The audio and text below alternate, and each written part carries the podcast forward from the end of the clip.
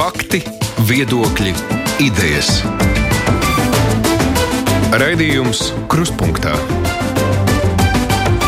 ar izpratni par būtisko. Skan Latvijas radio pie mikrofona Arnis Krause. Otradienas mums ir budžeta dienas, no gluži kā valdībā, kurā arī šodien spriež par nākamā gada valsts budžetu. Jau esam pārskatījuši virkni ministriju, kā nauda tiks tērēta piemēram iekšlietu, izglītības, satiksmes un kultūras nozarēs. Šodien kārta ministrijai ar visgarāko nosaukumu Latvijā - vidas aizsardzības un reģionālās attīstības ministrijai. Tās pārziņā ir divas svarīgas jomas - pašvaldības un vides, klimata jautājumi, kādas būs izdevumu prioritātes, kādiem mērķiem nākamgad nauda visvairāk tiks atvēlēta. Par to sarunu šajā stundā. Un kruspunktā esam aicinājuši piedalīties varam valsts sekretāra vietniece vidas aizsardzības jautājumos Rudīti Veseri. Labdien! Labdien! Valsts ilgspējas attīstības plānošanas departamenta direktoru Raivi Bremšmitu. Sveicināti! Labdien! Latvijas pašvaldības savienības priekšsādātāja vietnieku, arī Valkas novada domas priekšsādātāja Vēnta Armandu Kraukli. Sveiki! Labdien! Vides zinātnieku biedrības zaļā brīvība vadītāju un Latvijas universitātes pētnieku Jāni Brīsgu. Labdien! Labdien! Un arī Edgars Zalānu, bijušo reģionālās attīstības un pašvaldību lietu ministru. Sveiki, Zalānkungs! Labdien! Es sākšu ar uh, pašvaldību ministrijas pārstāvjiem un lūkšu mums klausītājiem īsi izskaidrot, uh, Kā tad veidojas pašvaldību budžets? Nu, ar kultūras ministriju, piemēram, mums ir skaidrs, tur ir teātri, tur ir bibliotekas, tur ir opera vai arī, piemēram, satiksmes ministrija, tur ir dzelzceļš, autotransports. Bet kā veidojas pašvaldību budžets un, un cik liela saistība tur ir tieši pašvaldību ministrijai? Un nav taču tā, ka jūs Rīgā izdomātu, cik nākamgad būs uh, liels finanses, piemēram, Valkai, cik Liepājai, Ainažiem tas viss nav tik vienkārši. Izstāstiet, kā veidojas pašvaldību budžeti. Kurš no jums varētu sākt? Varbūt arī valsts sekretāra vietniece. Droši vien par pašvaldību budžetiem runās mans kolēģis vairāk, es vairāk par vidas aizsardzības jautājumiem, tā kā vārds varbūt tad Raivim. Labi, Brenšmit kungs, lūdzu izstāstiet mums īsi. Jā, Vai ir tā, ka jūs Rīgā ministrijā nolēmjat, cik katrai pašvaldībai nākamgad tas, tās viesta kārta būs uz maizes bieza? Nu, nav tik vienkārši. Noteikti ministrijā nav tā, ka mēs arī uh, katrai pašvaldībai individuāli šeit izlemjam. Uh, Jāatgādina, ka pašvaldības ir pietiekoši autonomas. Uh, tātad pašvaldību budžetu pamatā veido iedzot ienākumu nodoklis.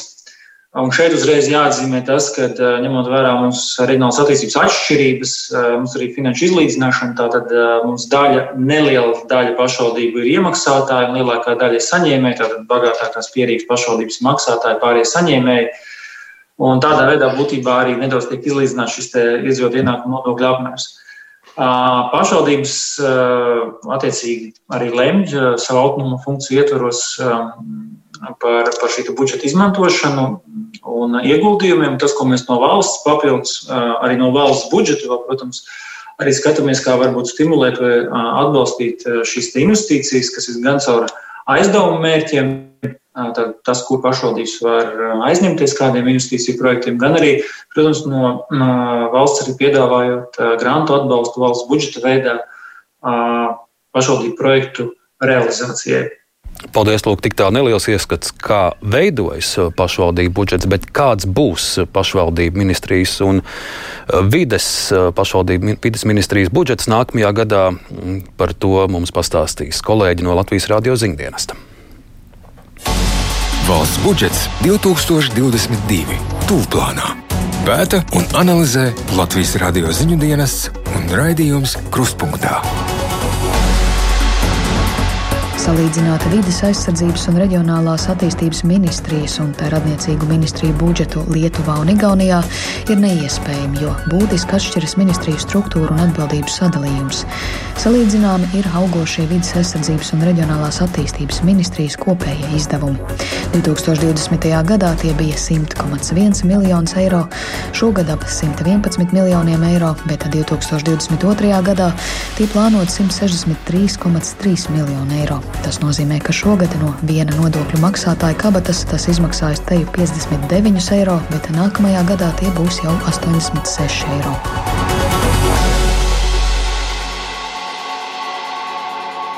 Lūk, tik tālu vairāki fakti par nākamā gada budžetu. Mēs uh, sāktu ar pašvaldībām. Nu, jau kādu laiku kopš vēlēšanām mēs dzīvojam jaunajos novados, un, protams, pirms reformas un pēc reformas tika teikts, ka novada reforma palīdzēs stiprināt uh, ekonomiku novados, darba vietas, investīcijas. Kā visi šie solījumi un visi šie projekti atspoguļosies jau nākamā gada budžetā? Es tad arī turpinātu ar uh, Bremšvitu kungu.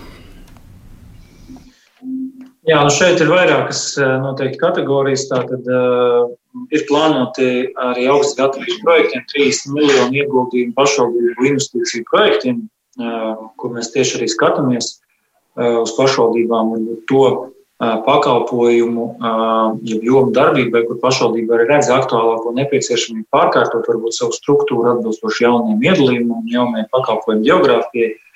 Tāpat mēs turpināsim arī aizdevumu programmas, kur šeit jau es arī dzirdēju iepriekšējā diskusijā bija jautājums par atbalstu ceļiem. Tātad pašvaldības arī ļoti aktīvi iegulda ceļos. Mums šogad faktiski no kopējā apjoma, ko mēs esam atbalstījuši 107 miljoniem, 70% ir bijuši tieši ceļos un tiltos. Šeit arī jāatgādina par valsts kontrolas ziņojumu par tiltu stāvokli, kas ir pašvaldībās. Līdz ar to mēs turpināsim šos mērķus, kas ir gan ceļi, gan arī tilti. Tāpat mums arī ir atvērta diskusija par citiem, kas ir gan, piemēram, pirmskolas izglītības sociālo centru higienas prasības, gan arī viedo, jeb attālināto pakalpojumu ieviešanai un citi. Tāpat viens no tādiem svarīgākiem, ko es gribētu atzīmēt, ir, protams, izglītības iestādes un arī pirmskolas izglītības iestādes, jo nu, mēs vienlaikus cīnāmies par to, lai mums varbūt vairāk iedzīvotāji būtu. Tā pašā laikā mums ir rinda uz bērnu dārziem, eh, kas ir nepilni desmit tūkstoši. Un, šeit mēs arī esam plānojuši atbalstu pašvaldībām, pirmskolas izglītības iestāžu atbalstam. Es saprotu par bērnu dārziem, ka nākamgad vismaz ir tas uh, projekts, ka par 30% varētu samazināt rindas bērnu dārzos. Gan būvējot jaunus bērnu dārzus, gan uh, renovējot, atjaunot, paplašinot. Tā ir teikts ministrijas mājaslapā. To es neizgāju. Jā. Jā, kumulatīvi piepildoties arī visiem, kas ir mums iepriekšējos gados atbalstītie projekti. Tātad mēs esam bērndārs atbalstījuši šogad, pagājušajā gadā. Pašvaldības liela daļa to ir realizēta trīs gadu periodā. Līdz to kumulatīvi, jā, ja viss piepildās, ko pašvaldības ir plānojuši, tad mēs arī varētu sasniegt tādus. Jo katru gadu atbalstot tā arī ir. Mēs arī šogad esam atbalstījuši šogad tikai 1200 jaunas vietas. Nu, katru gadu mums aptuveni tāda virzība ir atbalstāmajos projektos uz 1000 aptuveni vietām. Līdz ar to nu, jūs redzat, ka 30%, 3000 arī ir tas, kas, uz ko virzamies. Un vēl īsi paskaidrot, ar ko atšķiras investīcija projekti, kuriem ir diezgan liels finanses paredzēts ar augstas gatavības projektiem. Vai šie augstas gatavības projekti ir tādi, kurus jau 1. janvārī var ķerties klāt un, un, un realizēt? Pieļauju to, ko jūs uh, redzat investīciju projektiem, kur pretī ALV 70 miljoni. Šī ir aizdevuma programma, par ko es pieminēju, uh, kur ir vairāki mērķi. Šobrīd uh, arī viņiem otrs, ja teikt, tāds nosaukums ir Covid aizdevumi. Eh, kur ir, kā jau minēju, lielākā daļa šo ceļu bijis, bet arī higiēnas prasības attālinātie pakalpojumi, cik bērnu dārza programmas ir atsevišķi ārpus šiem 70 miljoniem. Tas ir aizdevums, un tā starpība no augstas gatavības, kur 30 miljoni, tas ir grāns, tā, tā ir nauda, ko pašvaldībai nav jāatdod. Tas ir tas, ko mēs iedodam eh, pašvaldībai, neprasot atdot. Paldies Ventam Armandam Krauklim. Vaicāšu, premjeras ir teicis, runājot par nākamā gada budžetu, ka ļoti nozīmīgas investīcijas gaidāmas reģionālajā attīstībā, ceļos un pašvaldības infrastruktūrā. Vai redzot budžetu, budžeta projektu, jūs to visu arī saskatāt? Es teikšu tā, ka kopumā ņemot pašvaldības gaida ļoti grūts gads.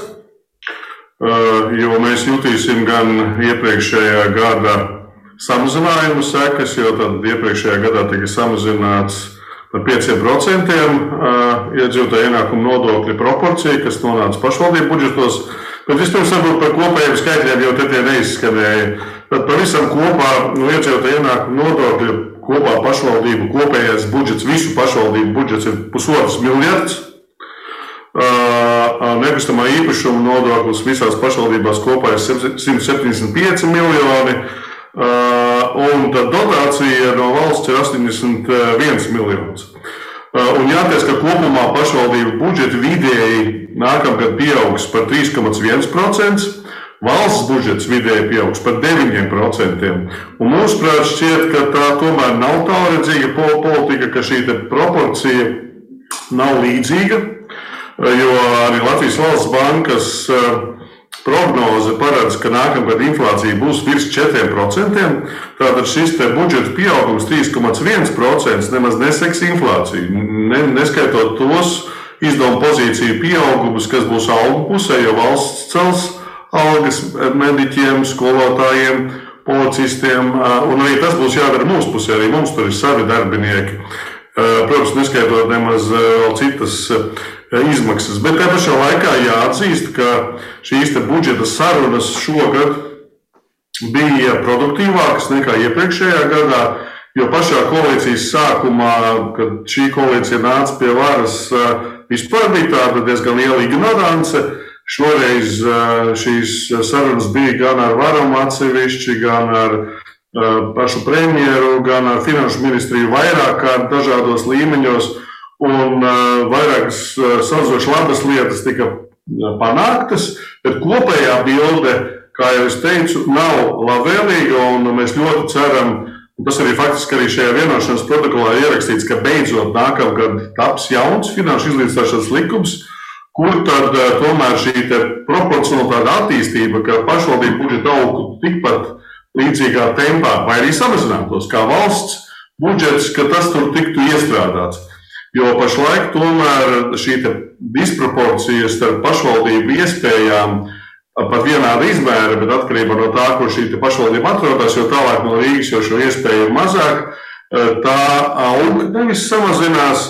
Un piedāvājam jā, jāatzīst, ka šis mehānisms, šis instruments neapliekamā minimuma palielināšana, kas ir pareizs, precīzs instruments, kas vislabāk rāpa tiem, kam ir mazāk ienākumi, savukārt izņem no visvairāk no to pašvaldību budžeta, kuros atkal kopumā šajā teritorijā ir mazāk vidējie ienākumi. Jā, un atkal šī disproporcija palielinās. Par investīcijām un uh, aizņēmumiem uz, uz pusotra miljarda fona. Protams, uh, šie 40 miljoni vai 100 miljoni aizņēmumos, 111. ja pareizi atceros, uh, tās ir salīdzinoši nelielas summas. Bet atkal jāatzīst, ka iepriekšējā gadā tās bija vēl mazākas. Tad ir kaut kāds solis no tādā pozitīvā virzienā, bet tie soļi vēl aizvien ir nelieli. Un es tomēr teiktu, no tādas reģionālās attīstības viedokļa, lai mēs varētu piepildīt to ideju, ka reģionu attīstības tempi līdzsvarojās. Pagaidām tie solīši ir ļoti, ļoti mazi. Jā, Kraukkungs, vēl īsi par šiem investīciju projektiem. Kā jūs redzat, pēc kādiem principiem tie tiek pašvaldībām sadalīti? Vai patiesi vienmēr tiek raudzīts, lai paši projekti atbilstu visām prasībām un un tie būtu labi sagatavoti, vai arī joprojām dažkārt ir šī nelāgā prakse, ka, eh, ka šo naudu dala atkarībā no politiskās kartes novados. Jo, nu, nu, ko tur liekties, piemēram, jūs ar savu laiku bijāt eh, no Tautas partijas valkas mērs, un ja bija Tautas partijas premjeras un finanšu ministrs, un droši vien bija daudz vieglāk Rīgā tās visas durvis atvērt vaļā un kādu papildu naudu valkai dabūt klāt.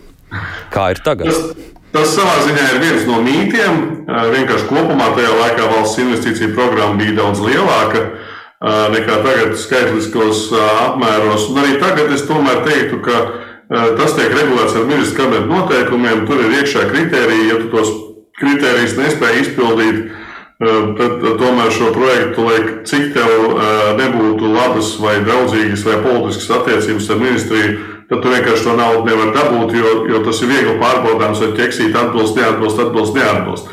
Iespējams, ka kādreiz ir kādas robežu situācijas, kur ir ļoti līdzīgi projekti. Pieļauju, ka tur var nospēlēt arī lomu politiskais faktors, bet es tomēr gribēju teikt, ka tas nav izšķirošs. Sarunas turpinājumā vaicāšu Edgars Zalānam, Zalānkungs, nu, atceroties arī jūsu ministrēšanas laiku, kā jūs redzat, kā lietas ir mainījušās. Nu, mēs dzirdām, tās summas, protams, būtiski pieaug, bet tas, kas ļaudīm tika stāstīts pirms novada reformas, ka vajag piekrist, vajag apvienoties, jūsu pašvaldības būs stiprākas, ekonomika augs, uzņēmēji nāks, investīcijas nāks, būs darba vietas, būs algas, būs jauni bērnu dārzi skolas un tā tālāk. Vai jau nākamā gada budžetā kaut ko no tā visa mēs varam saredzēt? Nu jā, tas, ko uh, jebkurš reformas veicējs sola, to, ko jūs minējāt, par visām tām lietām, kas mainīsies uz labu, ja, tas, protams, ir ilgtermiņa uh, tāds pasākums. Tas nav viena gada budžeta ietvaros, nerealizējams, neizdarāms.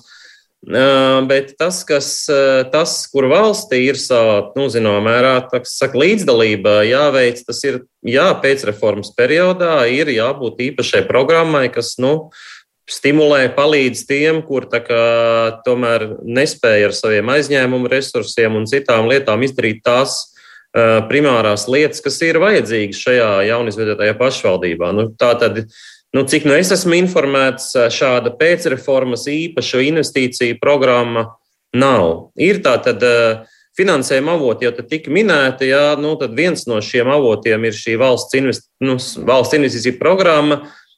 Šogad, nu, nākošais gads, tātad 30 miljoni, jā, Nu, es nezinu tos kritērijus, kā tas dalīsies, bet uh, tur varbūt var Aivs komentēt, bet nu, diez vai tas dalīsies pēc tā, ka kāds ir no jauna apvienojies vai kaut kā tā. Nu, ja tā būtu, tas tā būtu tāds pēcreformas stimuls, bet manu, manuprāt, tā nav. Uh, otra lieta, tas, otrs tas naudas avots uh, ir, ir tie uh, aizdevumi mērķprogrammām. Un tur arī jāsaka, tā, ka viņi nenosedz vienu būtisku lietu, kas tomēr Latvijai, manuprāt, ir svarīga, un tā ir kultūra. Jo kultūra nav iekļauta. Kultūras objekts nevar finansēt no šī, no šī mēģinājuma aizņēmumiem, kas nozīmē, ka Nu, tad jautājums, ko darīt? Ja? Nu, kāds varbūt var no vispārējiem aizņēmumiem, bet nu, bieži vien jau arī vietējā vietējā, nu, vietējā tā mm, pašvaldībā nevienmēr tas kultūras objekts ir kā kurā, bet nu, ielaukoties ne galvenais. Bet ir, bet tās ir lietas, kas jārisina. Tā tomēr ir mūsu, kā saka, identitāte un tradīcija, un tur, manuprāt, tas finansējums nav nosekts. Un vēl kas nav mainījies, ko neizdevās ne man, ne visiem ministriem pēc tam, ne arī tagad, tas nav dienas kārtībā, bet ko savā laikā realizēja Igaunija, tāds arī vispārējais, nu, vispārēji finansējuma sapratne Nu, piemēram, pie mums tomēr, eh, un ar to ir neapmierināti ļoti daudz pašvaldību vadītāji, eh, pie mums tomēr tas izlīdzināšanas fonds dotējās no, no, no, no, no, no vienām pašvaldībām uz otrām, ja no tām, kas ir uz tām, kam nav. Nu, patiesībā reģionālā politika, un ja kādai pašvaldībai arī pēc reformas acīm redzam nepietiek infrastruktūrai naudas, reģionālā politika ir valsts politikas rezultāts. Tātad, ja tur nav sasniegts rezultāts, tad par to ir jābūt līdzatbildīgai valstī, jo tā ir valsts politika, nevis konkrēts pašvaldības politika. Un tāpēc man ir bijis diezgan stingrs uzskats, es to šo cīņu savā laikā esmu zaudējis, bet pret finanšu ministriju. Es nezinu, vai vispār tāds uzstādījums ir, bet, eh, bet manuprāt, eh, izlīdzināšanas fonds ir simtprocentīgi jāfinansē no valsts. Manā laikā tur Igaunijā tie bija 100 miljoni eiro, kas tur tika tādā veidā pārdalīti pašvaldības neiesaistot, vienkārši no valsts dotējot tos, kam nepietiek. Jā, Zalāna kungs, lai skatītājiem, to, klausītājiem, lai skatītājiem, klausītājiem būtu vairāk šis viss saprotams, nu, būs daži piemēri, piemēram, nākamgad pašvaldība izlīdzināti ieņēmumu uz vienu iedzīvotāju būs 850 eiro. Un, ja paskatās Pa novadiem mazākie ieņēmumi uz vienu iedzīvotāju būs jaunajā izveidotajā augšdaugavas novadā, tātad ap Daugavpili tur ir 714 eiro, tikai lielākie Mārupas novadā 1064 eiro. Tad tas, ko jūs gribat teikt, ka nevis Mārupiešiem ar saviem ienākumiem vajadzētu dalīties un, un no, no tā ļoti vienkāršot sakot, no viņa naudas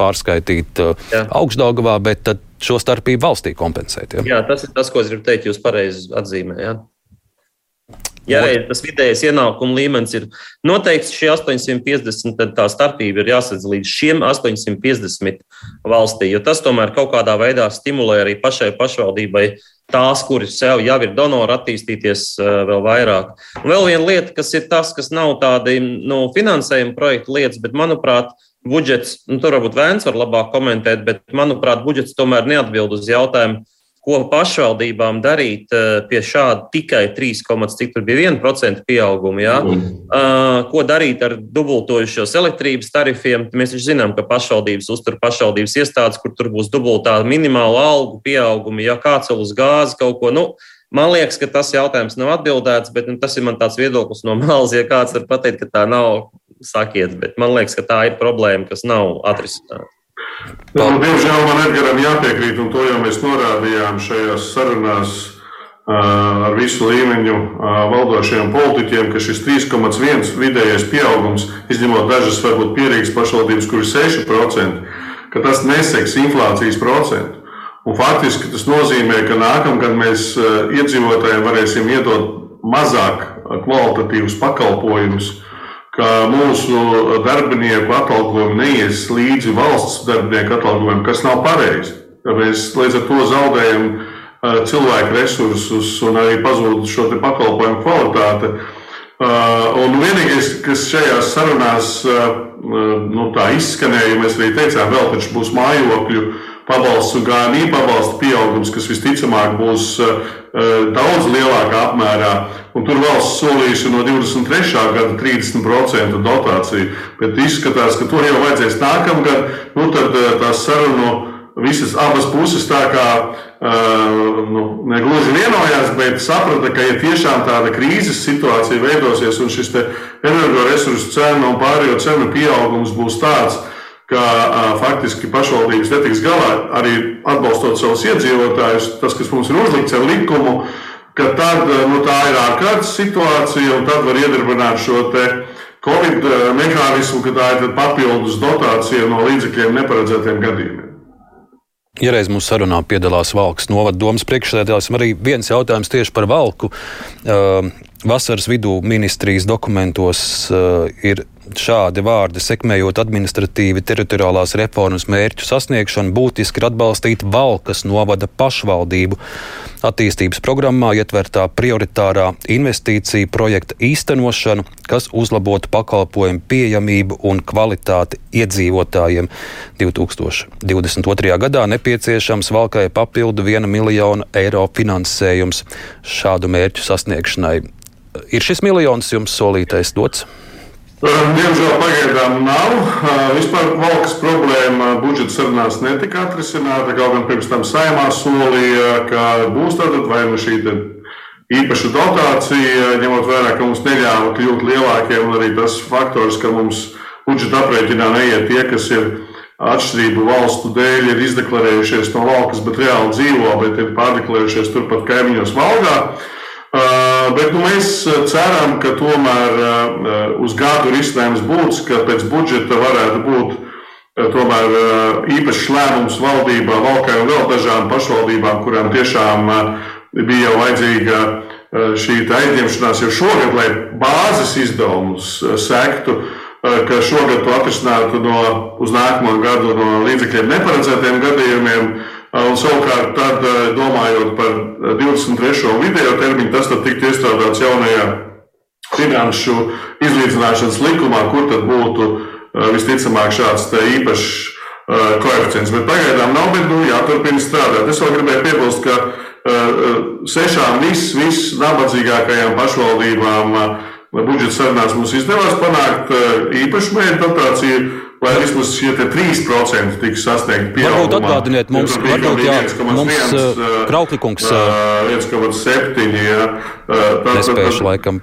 Jā, būs nedaudz labāk. Kraukļkungs atgādiniet mums, kuras ir sešas tās pašvaldības Latvijā. Tas ir Augstdaugavas novads, Jēkabpils novads, Krāslavas novads, Līvāna novads, Rēzeknas novads un Varakļāna novads. Noskaidrs. Es eh, turpinājumā sarunas uzrunāšu atkal valsts ilgspējas attīstības plānošanas departamenta direktoru Raivi Bremšmitu. Nu, divas lietas, kas šeit izskanēja, vai nākotnē nav domāts, kā taisnīgāk eh, sadalīt ienākumus, lai tām pašvaldībām, kur ir strādīgi ļaudis, arī kur ir uzņēmēji aktīvi un, un, un eh, kuriem ienākuma auga, lai no viņu nopelnītās naudas tā pārdala nenotika tāda kā šobrīd, bet varbūt to kompensētu valsts. Un otrs stāsts, kas šeit izskanēja, ka nākamgad valsts budžets pieaug par 9 miljoniem. Um, ne, par 9%. 9%, 9% un mēs arī dzirdam no premjera, algas nākamgad pieaugs iekšlietu jomā, izglītības jomā, veselības aprūpē. Un tas, ko teica Vents Armāns Krauklis, protams, ka pašvaldībām jādomā arī, kā savās pašvaldību iestādēs, kā bibliotekās, bērnu dārzos un tā tālāk, arī celt algas, ko tur valsts var līdzēt. Jā, nu, jā, attiecībā par finanšu izlīdzināšanu, protams, tas ir uh, aktuāls jautājums, tīpaši ņemot vērā arī reformas uh, rezultātus un arī lielākas pašvaldības. Uh, tur varētu būt arī dažādi modeļi, vēl ko apspriest, um, kā uz to virzīties. Uh, bet attiecībā uz šo procentuālo pieaugumu, nu, jāņem vērā arī tas, ka valsts budžetā ir teiksim, tādas sadaļas, kas varbūt ir kā valstī, bet ko daudz lieto pašvaldības vai to iedzīvotāji. Piemēram, mums uh, nākošajos arī gados, gan nākošajā gadā, gan arī 23., 24., gan no valsts budžeta, gan no Eiropas Savienības fondiem plānot 200 miljoni valsts reģionālajos un vietējos autoceļos, kas lielā mērā tieši ir nu, pašvaldībām administratīvo centru sasniedzamībai. Pēc pozīcijas tas ir valsts budžetā sadaļa, bet lietotājiem būs iedzīvotāji teritorijās uz vietām. Bet tas nepalīdz bāzei. Tas nepalīdz bāzes izdevumiem. Protams, tas ceļš vajag. Es jau teicu par to, protams, ka ir jābūt diskusijai. Par to ir jābūt diskusijai, kāda ir bāze un kā mēs turpinam šo te izlīdzināšanas modeli. Ņemot vērā atšķirības, kaut kādam modelim būs jābūt. Tas ir neizbēgami, ņemot vērā vienkārši to lielo atšķirību, kas ir starp pierīgas un, un pārējām pašvaldībām, ņemot vērā arī ekonomikas atšķirības starp reģioniem. Uh, līdz ar to tas ir nu, vēl jāpiemina šeit, uh, ka uh, viena vēl būtiska lieta ir, tas arī nav valsts budžetā, bet tas, kas ir daļa no varbūt mums tādas kopējās uh, virziena, ir, mēs arī gribētu pašvaldībām piedāvāt tomēr makšķeri, ne tikai zivis. Proti, Eiropas Savienības fondos mēs plānojam vairāk kā 300, nu, aptuveni 300 miljonu tieši ieguldījumus uzņēmējdarbības atbalsta infrastruktūrai, ko pašvaldība var tiešā veidā uh, mainīt šo te attīstības tendenci pie sevis un apkārt sev. Ar to nu, tas ir tas, uz ko noteikti jāuzsver. Jārisina tie jautājumi arī, kas ir šodien. Es noteikti pasakot pēdējo, negribu teikt, ka tagad tas viss atceļās. Ir jārunā par finanšu izlīdzināšanu labāku modeli, bet mums arī jādomā, ir, kā celt reģionos ekonomiku, arī kā šo te labāko makšķeri ir pietiekoši efektīvi izmantot pašvaldības. Paldies! Mēs tūlīt arī ķersimies vides klimata jautājumiem klāt, bet vēl par pašvaldībām turpinot. Pēdējās nedēļās man ir bijusi iespēja izbraukāt diezgan daudz Latvijas pilsētas un bibliotekās tikties ar ļaudīm, īpaši ar senioriem. Un, un mēs runājam par Eiropas Savienības projektiem, par, par attīstību, kas notiek pilsētās un novados. Un tas, ko es bieži dzirdu no ļaudīm, ka viņiem īsti līdz galam nav skaidrs, kādēļ viens vai otrs projekts tiek īstenots. Varbūt tas ir ļoti svarīgs un būtisks, bet ļaudīm līdz galam uh, tiek izskaidrots, kāpēc šobrīd tā mums ir prioritāte. Piemēram, man stāstīja par tukumu, kur ir liela nauda ieguldīta, atjaunot bijusi lauktehnikas teritorija, tur ir veloceliņi un puķu podu un viss kaut kas tikai viena problēma. Tur nav cilvēku apkārt. Un, un ļaudīm nepaskaidro, kādēļ kādā konkrētā objektā nauda tiek tērēta. Vai arī šeit, varbūt Kraukļa kungam, kā, kā pašvaldības vadītājiem, es vaicātu, ka vajag biežāk cilvēkiem skaidrot un ar cilvēkiem konsultēties, kur mums nākamgad. Jā, nu jāsaprot, ka, protams, cilvēku gan finanšu prātība, gan sapratne par ekonomiskiem jautājumiem ir ļoti dažāda. Un ja bieži vien arī tie, kas eh, kritizē, viņi īsti šos ekonomiskās likumsakarības eh, nesaprot. Es nevaru komentēt eh, konkrēto tukuma gadījumu, kaut gan es domāju, ka visticamāk Tātad tā ir 562 degradētās vidas revitalizācijas programma. Jā, tieši tā. Nu, Speciāli mērķēta Eiropas Savienības fondu nauda. Jā, tā doma tur ir tāda, ka tur nākotnē mums neizdosies. Laika rūpniecības teritoriju un tad attiecīgi tur radīt jaunas darba vietas. Un, protams, nu, pārējie pilsētā arī valkā mēs būvējam jaunas ražošanas sēkas kas dod jaunas darba vietas, bet nu, centra iedzīvotāji saka, jā, bet mums ir sliktas ietves. Jā, mums ir sliktas ielas, un viņiem ir taisnība. Un tad es daudzkārt esmu skaidrojis, es saku, jā, bet Perspektīvā mums būs lielāki budžeta ienākumi, jo tur būs vairāk darba vietu, vairāk iedzīvotāju ienākumu nodokļus. Un tad mēs lēnām garā varēsim arī tās ietves un ielas sadalīt. Bet viņi grib šodien, jo viņi redz, ka tur tā nauda ieguldīta. Bet es domāju, pašvaldības skaidro, bet nevienmēr līdzīgi tāpat kā vakcīnām, nevienmēr mēs dzirdam eh, arī atrodam dzirdīgas ausis. Līdzīgi man liekas, tā bija tieši valka, kur es dzirdēju vienu piemēru, kas varbūt gulbena. Nu, jebkurā gadījumā tā puse, ka, piemēram, ir liela nauda ieguldīta pansionātā. Viss ir kārtībā un nav nekāda sūdzība, bet ceļš līdz pansionātam ir tāds, ka, ka kā man tur viena kundze teica, zobi klaba, kamēr līdz tam pansionātam tiek, ka, ka vajag nevajag, Jā, vai nevajag ar sasaistīt. Tā ir traģēdija, ka mēs nevaram kompleksi risināt šādas problēmas, jo tātad tu vari aizņemties naudu pašam investīciju objektam, bet neatiecinām izmaksām beidzamos gados valsts neatļauj aizņemties un ne, neatļauj sakārtot šo te ielu. Par to arī šoreiz bija diskusijas. Mēs prasījām vismaz 50% apmērā, bet valsts tam nepiekrīt, un šito es nekādi nevaru saprast. Un otra lieta ir tā, ka jāsaprot arī tās kopējais vajadzību apjoms ir milzīgs. Un, un tad, kad katru gadu mēs to budžeta pīrādziņu dalām tēlēni izsakoties, mēs secinām, ka, ka mums attīstībā, īpaši attālāk tie, kas ir no Rīgas tālāk, mūsu attīstībā paliek arvien mazāk naudas, jo mums ir uzlikts ar likumu pienākums maksāt lielākus sociālos pabalstus, mums ir jāceļ algas, un te pašā laikā mūsu iedzīvotāju ienākumu nodokļu proporciju pagājušajā par 5% samazināja. Valkē tas bija pusmiljons. Kas būtu iespējams ieguldīt šajās ielās? Krauklis vēl tikai lūdzu pavisam īsi vēl mūsu klausītāja Laura raksta, ka viņai gan izskatās, ka pašvaldībās darba vietu radīšana pašlaik intensīvi notiek tikai, lai vairotu ierēģu armiju un to bezjēdzīgi palielinātu. Tāds kritisks skats. Noteikti nē, noteikti nē. Beidzamajos gados. Nu, mums nav papildus teritorija, bet beidzamos gados mēs katru gadu administrācijā esam samazinājuši darbinieku skaitu. Un šīs jaunās darba vietas ir tieši ražošanā, privātos uzņēmumos. Mēs uzbūvējam ražošanas ēku, un privātiem uzņēmējiem jārada konkrēts darba vietu skaits pretī un jāiegulda konkrētas investīcijas tehnoloģijās. Tas strādā, un tas noteikti nekādā veidā nav pašvaldības pusē. Cita lieta, ka es nevaru komentēt, cik ātri, piemēram, jaunajos novados notiks šī konsultācija, jo tas cilvēcīgi vienmēr ir ļoti sarežģīts process.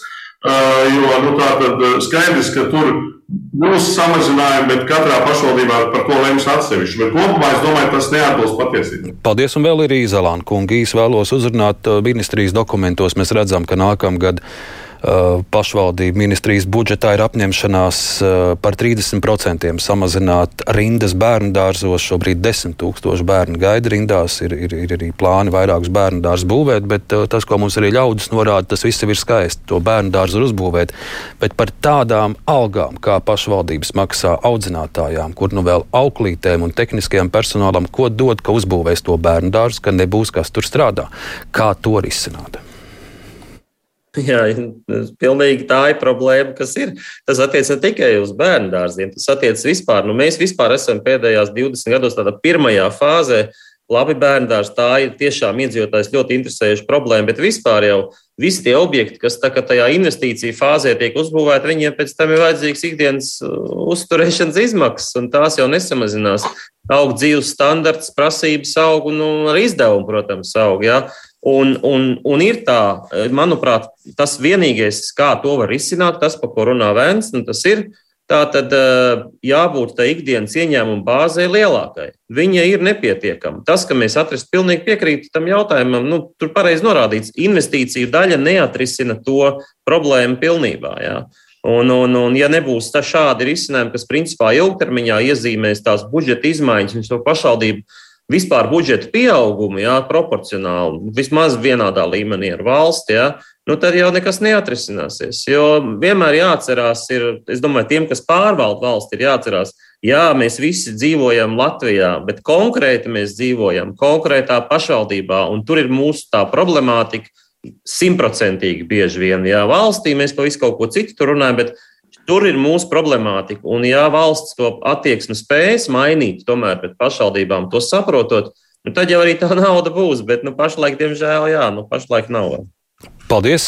Tik tā par pašvaldībām. Es gan lūgtu pašvaldību runas vīrs vēl mūs nepamest, jo sarunas izskaņā vēl pie pašvaldībām atgriezīsimies, bet, kā jau es ievadā minēju, ministrijā ir divi lieli pamatakmeņi. Viens ir uh, reģionāla attīstība, vide.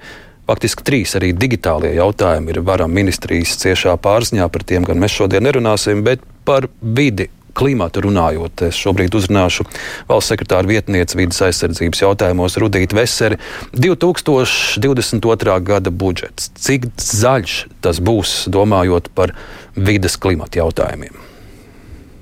Jā, runājot par vidus un klimata jautājumiem, protams, ka budžetā ieliktās pozīcijas ir uh, pirmām kārtām, lai nodrošinātu visas vajadzīgās funkcijas šai ziņā, un arī tātad stiprināt esošo vidas aizsardzības uh, sistēmu, uh, kurā ir gan daudz vēl ko darīt, un tāda varbūt īpaši akcenta, kas nāk papildus šai budžetā, ir saistīta gan ar uh, iestāžu veiktspēju, konkrēti runāt par radiācijas drošības centra funkcijām, uz kurām, uh, kuru stiprināšanu mums ir norādījusi arī tātad startautiskā, startautiskās institūcijas, uh, kuru dalību valsts ir Latvija tā skaitā. Nu, mums ir arī būtiski tāda lieta kā vēsturiski piesārņotās vietas, viņu izpēte, sanācija, restīvi, lai nodr, no, novērstu tos draudus, ko piesārņojums varētu radīt, ja viņu nesavāc, un mums šādas vietas ir vairākas Latvijā, un pakāpeniski viņas tiek attīrītas, un līdz ar to atgrieztas arī saimnieciskajā apritē. Uh, jo būtībā, kamēr viņas nav attīrītas, viņas nav izmantojams uh, praktiski nekādiem citiem mērķiem un papildus rada arī šos draudus, kad var piesārņot vai nu uh, ūdens, ūdeņu, ūdeņu resursus, respektīvi, kas arī tā skaitā var nonākt līdz tam, ka dzeramājas ūdens ir apdraudēts, tāpēc tas ir gana būtiski. Uh, to darīt, un arī uh, tiks pastiprināts uh, ūdens, ūdeņu monitoringa veikšana, respektīvi uz doto brīdi mēs uh, veicam tā saucamā minimālajā režīmā šo te ūdens resursu situācijas novērtējumu un monitoringu, bet faktiski šobrīd tas ir būtiski arī palielināt šo skaitu, jo nu, tas ir arī viens no iemesliem, kāpēc Eiropas komisija ir arī izteikusi brīdinājumu par to, ka šis monitorings netiek pietiekamā apjomā veikts. Līdz ar to arī mēs nevaram izdarīt secinājumu par to, kas būtu jādara, kas būtu jāmaina nu, tik precīzi, kā to varētu izdarīt, ja daudz vairāk vietās būtu šis monitorings veikts. Un, nu, tātad tie ir tie akcenti, uz kuriem mēs vēršam arī šo uzmanību. Un, un līdz ar to arī, protams, paredzēts, ka palielināts tiks arī finansējums Latvijas vidas aizsardzības fondā. Tātad šai programmā, kur tad arī ir paredzēts, ka viņš var finansēt nacionāls nozīmes un vidas projekts. Bet nu, kopumā vērtējot un raugoties uz um, Eiropas uh, Savienības fondiem šo Covid naudu turpmākajos gados, tur redzams, ir, ka ļoti būtiska daļa, pat 40% no naudas, kuru mēs saņemsim no Briseles, būs mērķēta tā saucamajam zaļajam kursam, uh, vides jautājumiem, klimata pārmaiņām. Tas ir tas, ko es jums vaicāju, cik ir zaļš Latvijas budžets, cik mēs paši esam gatavi investēt uh, savas vidas sakārtošanā, cik mēs paši esam gatavi savu naudu šiem jautājumiem atvēlēt ne tikai Eiropas naudu. Vai tā, mūsu nu, budžets tā. ir zaļš?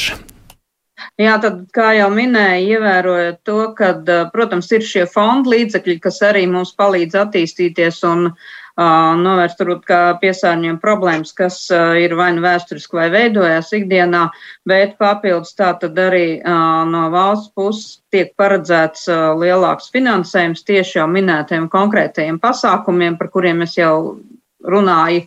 Un tā, tā, tas tie nav tikai fonda līdzekļi, ir, tas ir pamatbudžets, un fonda līdzekļi vairāk ir mērķēti uz tādiem pasākumiem kā uh, ūdens apgādes un kanalizācijas pakalpojumu nodrošināšanas attīstību un um, konkrēti arī vēršoties uz to, lai veidot arī tos pieslēgumus, ne tikai izbūvēt šos, um, nu, teiksim, sistēmas centralizētās, uh, tāpat arī, lai attīstītu atkrituma apsaimniekošanas uh, sistēmu, restīvi palielināt iespējas pārstrādāt um, atkritumus šeit uz vietas Latvijā, uh, Tas nozīmē, ka nu, mēs samazinām gan to atkritumu apjomu, kas tiek apglabāts poligonos, gan vienlaicīgi arī uh, radam uh, gan jaunus produktus ar pievienoto vērtību un arī jaunas darbvietas tā skaitā.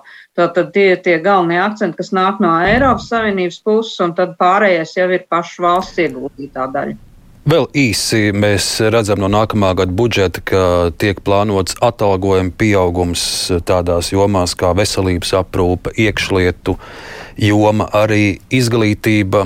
Vai arī jūs pārziņā esošajās iestādēs, kas ir saistīts ar vides uzraudzību, inspektori un tā tālāk, arī tur šie ļaudis var nākamgad cerēt uz kādu atalgojumu pieaugumu? Uh, ir plānots um, šis atalgojuma palielinājums, un, un arī šeit ir jāstāsta uz šo resursu efektīvāku izmantošanu, tātad cik efektīvi mēs izmantojam un uh, kādā veidā mēs sadalām arī visu šos, šī, šo funkciju izpildē nepieciešamos darbus un uh, motivējam atbilstoši arī darbinieku pieplūdu konkrētajā sektorā, lai būtu interesi par to un lai tiešām uh, šai jomā strādātu augstas klases speciālisti un neaizplūst viņu tālāk prom jau uz privāto sektoru. Atalgojuma pieaugums būtisks vai vairāk simbolisks? Tas būs arī lielā mērā atkarīgs no pašiem iestāžu vadītājiem, kā veidot šo visu sistēmu, ja pareizāk sakot, attīstīt šo sistēmu. Iespējas ir, tālāk jau ir plānošana un darba organizēšana. Tik tālu. Paldies valsts sekretāra vietniecei un uzrunāšu arī vidzinātnieku biedrības zaļā brīvība vadītāju un Latvijas universitātes pētnieku Jāni Brīsku. Jāni, raugoties uz nākamā gada budžetu, cik tas, eh, jūsuprāt, ir zaļš? Jo no premjera, no valdības ministriem mēs dzirdam, nākamā gada prioritātes būs iekšlietas, būs medicīna, būs uh, izglītība. Vidi nepiemin. Jā, nu, vide reti, kad ir bijusi tāda budžeta veidošanas prioritāte. Arī vidas ministrijas budžets jau vēsturiski ir viens no mazākajiem budžetiem, man liekas, kas salīdzina starp dažādām ministrijām. Bet Rudīta Vesera jau pareizi minēja, ka ir ļoti daudz dažādu Eiropas fondi, kas ir tieši vērsti uz vidas investīcijām. Nu, pārsvarā ūdens saimniecībā, atkritumu saimniecībā. Tagad arī atvesļošanos fondu liela būtiska daļa ir paredzēta tieši klimata, klimata pasākumu īstenošanai. Un ne visi šie pasākumi nu, tādā veidā, tiešā veidā ir saistīti varbūt ar vidas ministriju. Jo, piemēram, mēs skatāmies uz klimata pasākumiem, tad nu, mums jau tās problēmas ir jārisina satiksmes organizēšanā, ekonomikas organizēšanā vai lauksaimniecībā, ja, un tās ir citas ministrijas, citu ministriju atbildības. Nu, tādas detalizētas pētījumus uh, man nav, lai es varētu pateikt, cik tad šo ministriju budžeti ir zaļi un cik daudz viņas ir gatavas mainīt kaut ko savās, savās politikās, lai šos, piemēram, klimata pārmaiņu jautājumus integrētu savā, savā darbībā. Bet šī vidas politikas integrēšana citās nozaru politikās nu, vienmēr ir bijusi tāda problēma. Un, it sevišķi ņemot vērā to, ka Latvijas valdība uh, lielākoties ir ļoti sadrumstalota. Katras ministrijas nu, vadībā ir cita partija. Tad šī politiskā sadarbība arī ir tā, kas bieži vien ir bremzējusi nu, tādu plašāku politikas, politikas integrāciju. Es domāju, tie, tie jautājumi, kas, nu, no kuriem mēs nekur netiksim vaļā un kas, kas mums būs jārisina, ir šis uh, viss, kas ir saistīts ar atkritumiem, ar resursiem, ar resursu optimālu izmantošanu un to, tas, ko arī Eiropa pašlaik vairāk un vairāk runā, virzību uz aprits ekonomiku, jā, no tādas ārā mešanas ekonomikas uz ekonomiku, kas ir vērsta uz, uz resursu efektīvu izmantošanu un atgriešanu atpakaļ apritē. Mums ir izstrādāti savi valdības, valdības plāni, kā mēs šo organizēsim. Un, Tur, protams, ir ļoti daudz kā darāmā un arī lielas nu, arī investīciju plūsmas, kas ir nepieciešamas, lai mēs varētu veidot kaut vai tirgu dažādiem šiem resursiem, ja, ko mēs atkārtot varam izmantot. Nu, viens piemērs ir cilvēki tagad nu, daudzās pašvaldībās tiek veidot infrastruktūru, lai šķirotu organiskos atkritumus, pārtikas atkritumus, dārza atkritumus Un ir jāveido, nu, jādomā, ko mēs darīsim tālāk ar to, ka mēs būsim savākuši šo organiku. Ja? Kādā veidā mēs viņu varēsim izmantot kaut kur. Vai mums ir tirgus, kaut kāds pieprasījums, kurā vietā mēs šo, šo, šo, šos resursus varēsim likt. Līdzīgi tāpat ir ar, ar iepakojumu, piemēram, ja, kur arī uh, iedzīvotāji tiek intensīvi stimulēti un aicināti šķirot uh, Nu, šķirošana ir viena no tādām lietām, ko, ko ja cilvēkiem paprasa, ko jūs vidas ziņā darat, tad atkrituma šķirošana ir pirmā, vieta, pirmā lieta, ko cilvēki atbild. Bet liela daļa no tā iepakojuma, ja, ko mēs varam nošķirot, ko mēs varam savākt atpakaļ, diemžēl nekur nu, pašlaik nav tāds aktīvs tirgus, lai mēs varētu kaut ko no tā pārstrādāt. Ja. Mēs pārstrādājam pētu, polietilēnu, papīru, stiklu daļai vismaz kaimiņos. Ja. Un lielāko daļu no pārējiem resursiem mums vienkārši nav nu, nav izveidota tāda mehānisma, kur mēs varam to visu pārstrādāt. Jā, paliekot īsi vēl pie šiem atkritumiem, tas, ko es dzirdu no ļaudīm, viņi novērtē, ka ar vien vairāk ir šie uh, sadalītie atkritumu konteineri, ka ir iespējas šķirot un rūpēties par vidu, bet par ko daļa ļaudis saprotams nav. Mm, iedvesmoti un priecīgi, ka gluži vai katru otro mēnesi viņiem atnāk paziņojums, ka atkal kāps tarifs par atkritumu savākšanu. Jā, jā, es domāju, tas. Nu, Mēs maksājam ļoti maz par atkritumu apsaimniekošanu. Ja mēs salīdzinām ar citām lietām, kur mēs droši vien kafijā iztērējam vairāk mēnesī nekā par atkritumu apsaimniekošanu. Bet šīs resursu apsaimniekošanas izmaksas kāpj, it sevišķi tajos gadījumos, kad nu, cilvēki nešķiroja. Šķirojamie konteineri lielākoties pašvaldībās tiek nodrošināti bezmaksas. Ja, un, ja jūs aktīvi šķirojat, tad nu, jūsu izmaksām nevajadzētu kāpt. Tas arī ir tāda nu, nu, valsts politikas virziens, ja, padarīt dažādas šīs darbības, kas ir nu, resursu izšķērdējošas un piesārņojošas, dārgākas, un savukārt kompensēt tiem, varbūt, kas ir gatavi mainīties. Nu, šīs kompensācijas nevienmēr varbūt efektīvi darbojas un nevienmēr ir nu, arī budžetos iestrādātas. Ja. Arī dabas aizsardzības jomā, man liekas, kompensācija mehānisms ir viens, kas, par ko ļoti daudzus gadus Latvijā mēs runājam, bet kas joprojām nav pietiekami attīstīts un efektīvs. Jā, un vēl īsi, kā, vides, kā vides ekspertam es vēlētos jums veicāt, jau no tās pieticīgās naudas, kur Latvijas budžets atvēl vidas jautājumiem, nākamgad vidas jomā viens no prioritārajiem pasākumiem būs īstenot Latvijas jūras piekrastes joslas apsaimniekošanu, nodrošināt tajā labu vidas kvalitāti, tīru, drošu vidi un pludmales pieejamību iedzīvotājiem un atpūtniekiem. Tas tā ir prioritāte. Tas nu, skaidrs, ka tas ir jādara, bet vai tas ir tas numur viens, jo valdības dokumentos tas ir minēts kā galvenā prioritāte. Ne galvenā, bet viena no galvenajām prioritātēm. Nu, es es nu, neuzskatītu šo par vienu no galvenajām. Es jau teicu, ka varbūt tas atkritumu saimniecības jautājumu risināšana ir svarīgāka. Arī šī kompensācijas mehānismu veidošana ir svarīga. Piemēram, meža sektorā, ja, kur mums ir dažādas aizsargājamās teritorijas, mikroliegumi un citas lietas, kas ierobežo šo saimniecisko darbību un rodas zaudējumi īpašniekiem. Mums vajag izveidot mehānismu, kas apmierina visas šīs puses. Tur Tas, tas ir viens no jautājumiem, kas jau daudzus gadus tiek risināts un kur tas normāls risinājums vēl joprojām nav atrasts. Paldies! Man ir jautājums valsts sekretāra vietniecei vidas jautājumos Rudītē Veserei.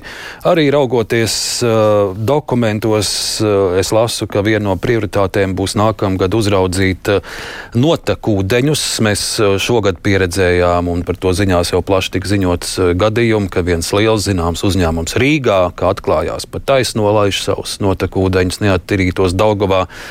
Šim visam nākamgad. Uh, tiks vērsta pastiprināta uzmanība, es saprotu. Ja? Tam jau arī šogad tiek pie, pievērsta pastiprināta uzmanība, un, protams, ka ir kaut kādi gadījumi, kas atklājas arī tīri nejauši, kur ziņo iedzīvotāji, bet tas ir retāk, bet, protams, veidojot arī šīs kontrolas sistēmas un, un plānot visu šo darbību, tas arī tiek ņemts vērā, jo uh, Mums ir svarīgi saprast arī, nu, līdz ar to tas jau pieminētais monitorings arī daudz palīdzēs risināt šo jautājumu, jo tas nozīmē, ka mēs ātrāk varēsim fiksēt, kur kaut kādas problēmas un uh, skatīties, kas tad ir tas, uh, nu, ja tā var teikt, vainīgais un, un tālāk pieņemt jau konkrēts lēmums. Bet um, es gribētu vēl arī uzsvērt, ka būtībā, ja mēs runājam par uh, budžetu, cik viņš zaļš un tā tālāk, tad vajadzētu skatīties arī daudz plašāk, kā jau arī minēja, ne tikai uz varam budžetu, bet tā tad arī citu nozaru virzienos, jo faktiski viens no tādiem stūrakmeņiem un mērķiem, kas mums šobrīd, ko mēs paši sev esam noteikuši, saistās ar pārēju uz aprits ekonomiku un aprits ekonomika, kas, kas, kuras pamatā ir šie vides aspekti, resursu efektivitāte un viņu izmantošanas paaugstināšana, tātad efektivitātes paaugstināšana. Viņa neskar tikai vien, viens nozars jomiņu, skar visu tautsaimniecību, un šeit ir jāskatās uz, uz dažādām lietām, arī tā skaitā uz to, kādas preces mēs šeit veidojam, kā mēs veidojam un sniedzam pakalpojumus, respektīvi gan šie ekodizaina aspekti, kas ir gana būtiski un kas tā, tā, vairāk skatām ir jau ekonomikas ministrijas virzienā runājot. Tāpat arī dzen par šo resursu efektīvo izmantošanu, un mēs tikko dzirdējām, ka, kā mēs šķirojam atkritumus un kā mēs viņus pārstrādājam, bet es gribētu pielikt vēl vienu akcentu klāt, tātad kā mēs neradam šos atkritumus, respektīvi, kā pēc iespējas efektīvāk panākt šo sistēmu, un arī uh, tam ir paredzēts nākamā gadā tātad uzņēmumiem uh, finansiālais atbalsts arī no fonda puses tieši uh, pārējai uz aprits ekonomiku, un jāatzīst, ka uh, ir arī gana daudz interesants un labas iestrādes jautājums, cik daudz, cik daudz mēs par to zinām, cik daudz tie uzņēmumi varbūt padalās ar to, ko viņi dara un kādā veidā, kā var uh, sasniegt labākus rezultātus. Paldies, un nu, no vidas klimata vēl atgriežamies vēlreiz pie pašvaldībām. Tā kā mūsu šīs dienas sarunā viskaļākā un enerģiskākā balss bija Ventam Armandam Krauklim, tad pie Kraukļa kunga es arī došos. Nu, mēs redzam, ikdienā šobrīd, un lasot, es lasu arī jaunākās ziņas, nu, kā teikt, labāk varbūt pat dažbrīd nelasīt. Nav tas priecīgākais brīdis, bet ar kādām sajūtām un, un kā jūs raugaties uz nākamo gadu, gan kā pašvaldības vadītājs, gan kā pašvaldības savienības pārstāvs, redzat, ka pašvaldībām, ļaudīm pašvaldībās dzīve nākamgad būs labāka kā, kā šogad? Pašvaldības ir ļoti dzīvelīgas un, un pieradušas strādāt sarežģītos apstākļos. Tādēļ, arī tiešām nākamais gads būs ļoti, ļoti sarežģīts. Es tomēr esmu optimists un es domāju, ka, ka vairākās jomās mēs atkal spēsim tādus labus solīšus uz priekšu tieši tādas dzīves vides uzlabošanā, kur tiešām var piesaistīt arī dažādas līdzīgas, var aizņemties. Te pašā bērnu dārza lietā būs solīši uz priekšu. Eh, bet tiešām žēl, ka mēs nevarēsim līdzsolī iet ar valsts attiecībā par atalgojumiem, jo tas ir ārkārtīgi nozīmīgi. Eh, un es ļoti ceru, ka eh, nu, uz priekšu tomēr arī valsts šeit vairāk ieklausīsies. Bet jābūt optimistiem, jo, ja neesi optimists, tad pašvaldībā nav ko darīt. Jābūt optimistiem ar Šo apņemšanos arī mēs šodien sarunu noslēgsim. Es saku lielu paldies Latvijas pašvaldības savienības priekšsēdētāja vietniekam Bentam Armandam Krauklim, bijušajam reģionālās attīstības un pašvaldību lietu ministram Edgaram Zalānam, arī valsts ilgspējas attīstības plānošanas departamenta direktoram Raivim Bremšmitam. Šodien kruspunktā piedalījās arī vidas aizsardzības un reģionālās attīstības ministrijas valsts sekretāra vietniece vidas aizsardzības jautājumos Rudīta Vesere un arī vidas zinātnieks Jānis Brīska. Paldies jums, liels klausītāji! Ar to arī šodien raidījums kruspunktā izskan. Raidījuma producente Evi Junāma studijā bija Ārnis Krause. Uz tikšanos!